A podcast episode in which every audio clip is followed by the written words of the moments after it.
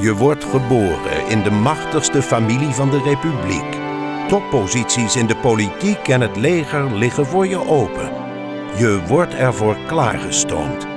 Maar wat zijn je ambities en hoe ga je ze realiseren? Het is de tijd van de oorlogen tegen Spanje, tegen Engeland, tegen Frankrijk. En dit is het verhaal van Willem van Oranje, Maurits, Frederik Hendrik, Willem II, Willem III en Johan Willem Frieso. En de keuzes die zij maakten tussen hun dynastie en het landsbelang. Dit zijn de Oranjes. Welkom in aflevering 12. Willem III, de enige in heel Europa die de zonnekoning tegen kan houden. We stopten de vorige keer in Willem III tot stadhouderloosheid veroordeeld op het moment dat de prins werd benoemd tot kapitein-generaal en Lodewijk XIV van Frankrijk vastbesloten was om met een enorm leger de republiek, dat kleine, rijke protestantse statenbondje, onder de voet te lopen. Straks bel ik Luc Panhuizen. Luc heeft drie boeken geschreven over deze periode. De ware vrijheid, over de levens van Johan en Cornelis de Wit. Het rampjaar 1672, hoe de republiek aan de ondergang ontsnapte. En Oranje tegen de zonnekoning, de strijd van Willem III en Lodewijk XIV om Europa. Het leuke van Luc is dat hij beide hoofdrolspelers goed kent, zowel Willem als Lodewijk. Aan de vooravond van de strijd in 1672 kwamen de eerste felicitaties binnen.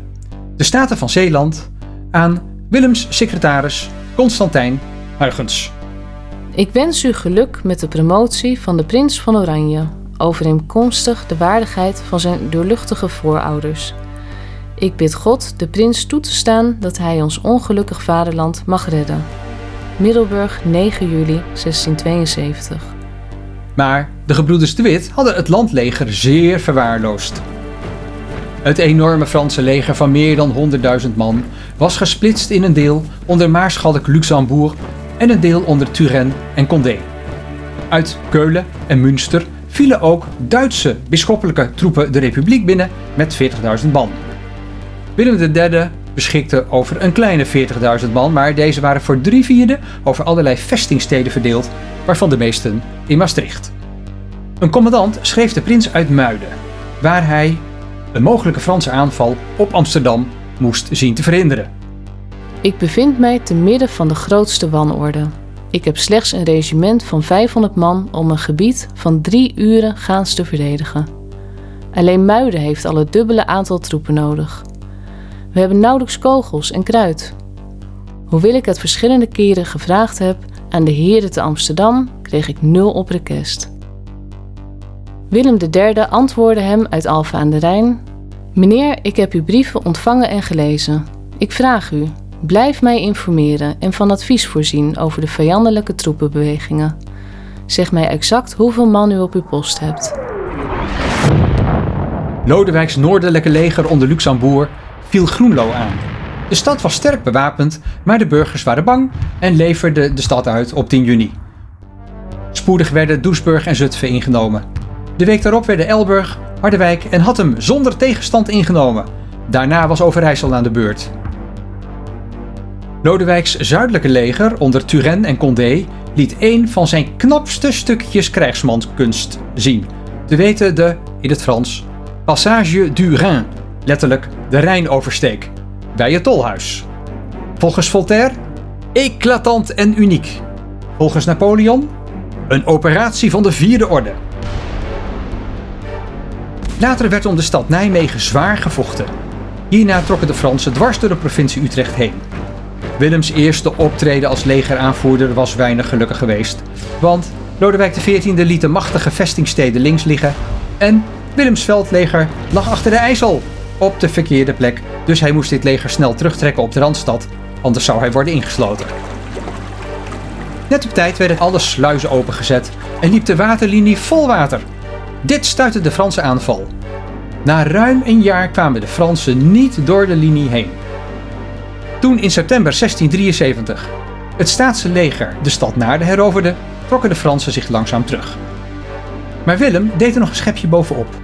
In november 73 sloeg het staatse leger onder zijn leiding en het leger van de Habsburgse keizer, die de hulp was geschoten, het beleg om de stad Bonn. Op 7 november werd met de beschieting ervan begonnen. Het garnizoen gaf de stad vijf dagen later over. Door de inname van deze stad werden de Franse aanvoerlijnen afgesneden en konden de Fransen hun legers in de Nederlanden niet meer via de Rijn bevoorraden. De Fransen begonnen nu met de definitieve ontruiming van de Republiek. De Koninklijk Huisarchivaris en latere politicus Groen van Prinsterer was vol lof over Willem III.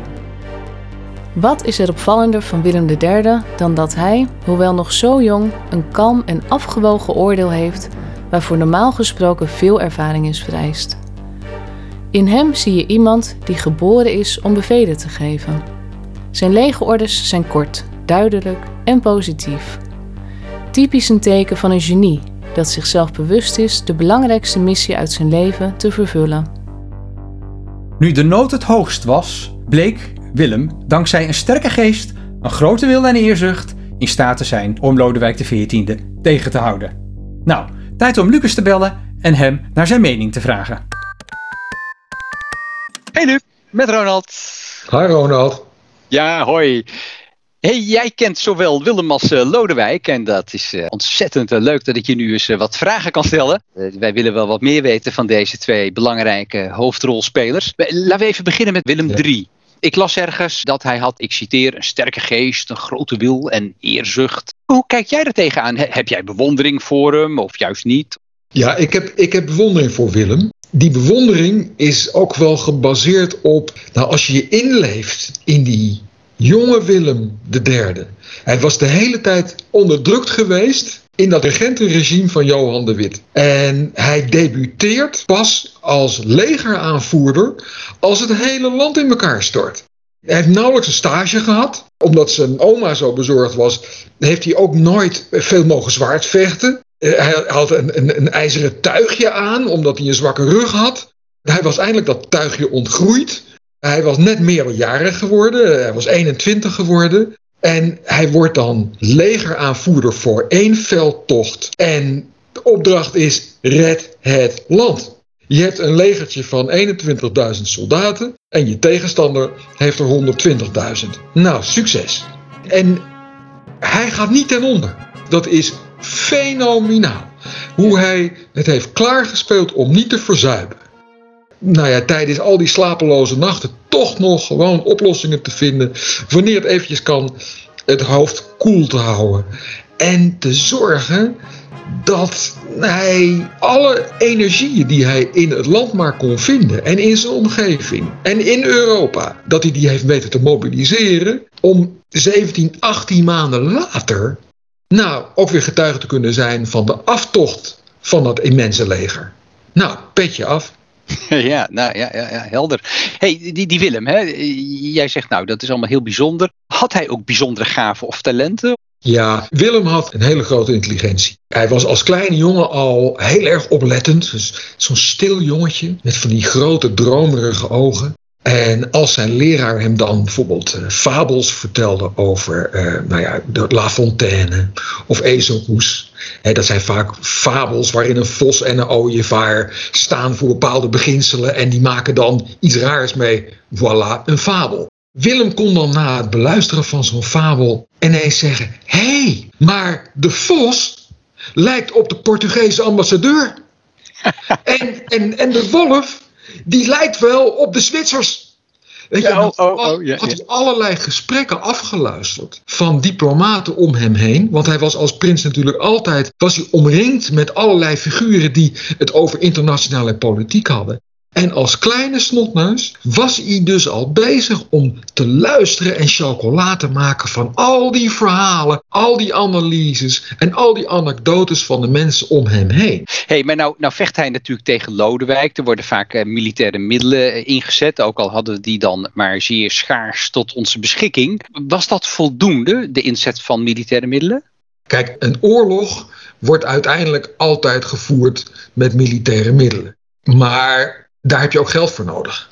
zonder financiële middelen geen militaire middelen. En als je bedenkt dat de Nederlandse Republiek maar 2 miljoen inwoners had. En ook nog eens een keertje gebukt ging onder de hoogste belastingdruk in heel Europa. Ja, Willem wist dat wilde hij dat immense Franse leger met de bondgenoten van Lodewijk XIV, wilde hij daar partij tegen kunnen maken, dan moest hij ook zijn toevlucht nemen tot de middelen van andere landen. Hij had kortom bondgenoten nodig. En uh, die internationale politiek van Willem, dat is wat hij toevoegde aan het strijdtoneel. En als hij dat niet had gedaan, dan was Nederland ten onder gegaan.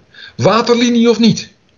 Maar Willem wist hele goede mensen in zijn omgeving voor zijn missie in te zetten. Die stuurde hij naar Wenen, die stuurde hij naar Berlijn, die stuurde hij naar alle uithoeken van Europa. En hij kreeg eigenlijk voor elkaar om een grote Europese coalitie in elkaar te timmeren. En die grote coalitie, Willem heeft er tientallen jaren over gedaan. Want na het rampjaar kwam er weer een oorlog en weer een oorlog. Hè. Men spreekt van de 40-jarige oorlog eigenlijk. En die grote coalitie zou uiteindelijk de grote nachtmerrie voor Lodewijk XIV worden. En eigenlijk ook het einde betekende van de Franse Gouden Eeuw. En dat, dat is toch wel de verdienste van Willem geweest. Een groot geopolitiek brein. Knap, ja, mooi hoe je dat allemaal zo schetst. Ja, ook op zo'n grote internationale schaal. Hé, hey, maar nou hebben we het uh, heel veel over Willem. Zeg die Lodewijk, dat, dat ja. die Lodewijk XIV, hè, Le Roi Soleil. Wat was dat eigenlijk voor een type, voor een soort mens? Ja, zeer fascinerend persoon, net zoals Willem III ook. Lodewijk XIV was, zou je kunnen zeggen, zo'n prins die in een gespreid bed kwam. Voordat hij aan de macht kwam, was er al een hele serie van burgeroorlogen geweest. En die waren beslecht in het voordeel van de monarchie. Allerlei prinsen van den bloede die waren aan de ketting gelegd. En toen Lodewijk het stokje overnam van zijn vader, was de macht eigenlijk al verzekerd kwam bij dat uh, Lodewijk een mooi uiterlijk had. Dat hij allemaal hele slimme ministers om hem heen had. Die met belastingherzieningen ervoor zorgden dat de Franse schatkist gigantisch toenam. als je bedenkt dat Nederland 2 miljoen inwoners had. Frankrijk had het tienvoudige, 20 miljoen. Hij was de demografische reus van Europa. En dat heeft Lodewijk eigenlijk in zijn voordeel allemaal weten te gebruiken. Dus hij heeft die, die enorme financiële armslag heeft hij gebruikt om een koningschap neer te zetten.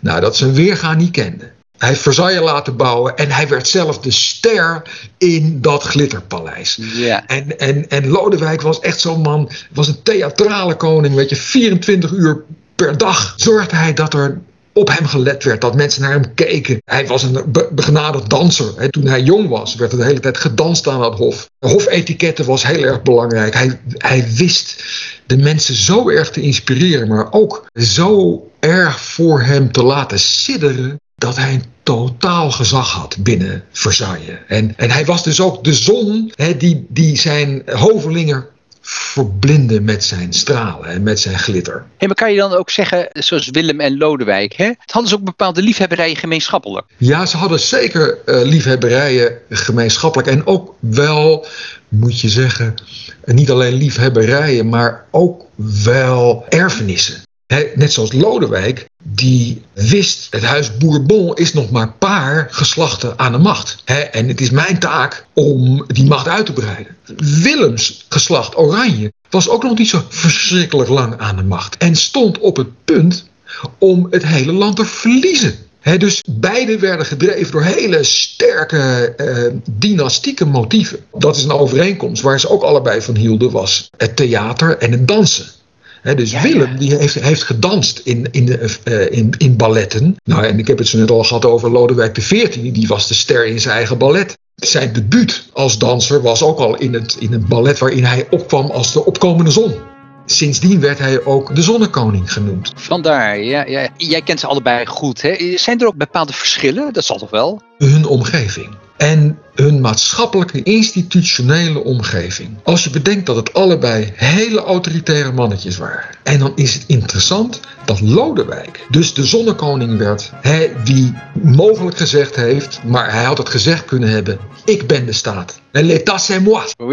Ik ben de staat en niemand anders. Terwijl Willem, die heeft in zijn vechtersbestaan moeten leren dat je in een republiek als die van Nederland de macht alleen maar kunt hebben als je die deelt. En toen hij zich op het internationale podium begaf om die coalitie te bouwen, werd dat een herhaling. Hij kon alleen maar zijn doel bereiken, namelijk de zonnekoning terug in zijn hok jagen als hij coalitiepolitiek wist te bedrijven. Dus het geven en nemen, goed luisteren naar je partners, ze serieus nemen, hè, eh, empathisch zijn, heeft Willem vallen en opstaan moeten leren. Hij zou zo in onze politiek eh, thuis. eh, Absoluut. Hij heeft de Rutte-doctrine heeft hij echt is zich eigen moeten maken. En het was een harde leerschool voor hem, maar het is hem gelukt. En, en Lodewijk werd echt een soort van dictator. Met aan het eind van zijn bewind, ja, had hij zijn enorme rijke land naar, naar de rand van de afgrond en de bankroet eh, geduwd. Luc, ik vind dit een prachtige afsluiting van ons gesprek. Willem staat op winst. Dankjewel. Hoi Luc, tot ziens. Graag gedaan, tot ziens hè. Nu de Fransen weg waren, mocht Willem op verzoek van de Staten-Generaal en naar een idee van de Staten van Holland in de stadsbesturen in de oostelijke gewesten overal zijn vrienden aanstellen. Willem stond nu op het toppunt van zijn macht. Vijf jaar later, in 1677, trouwde hij met zijn nicht, die, evenals zijn moeder, Mary Stuart heette. Deze Mary II was een dochter van koning Jacobus en die Jacobus was een broer van Willems moeder Mary I. Mary was op dat moment, als Jacobus zou komen te overlijden, de enige erfgenaam van Engeland. Mary koos voor het geloof van haar man Willem. Ze werd gereformeerd. Haar vader was en bleef rooms-katholiek. Het werd zelfs zo erg dat hij een verbond sloot met een andere zeer katholiek iemand, namelijk de Franse koning. Jacobus stelde overal in Engeland zijn rooms-katholieke vriendjes aan, zelfs op de Universiteit van Oxford. Daarop namen Engelse protestantse edelen contact op met William en Mary. Kunnen jullie niet overkomen en Jacobus aan de kant zetten? Dan zullen wij je een handje helpen. Overkomen met een leger? Dat zouden later zelfs Napoleon en Hitler niet eens aandurven.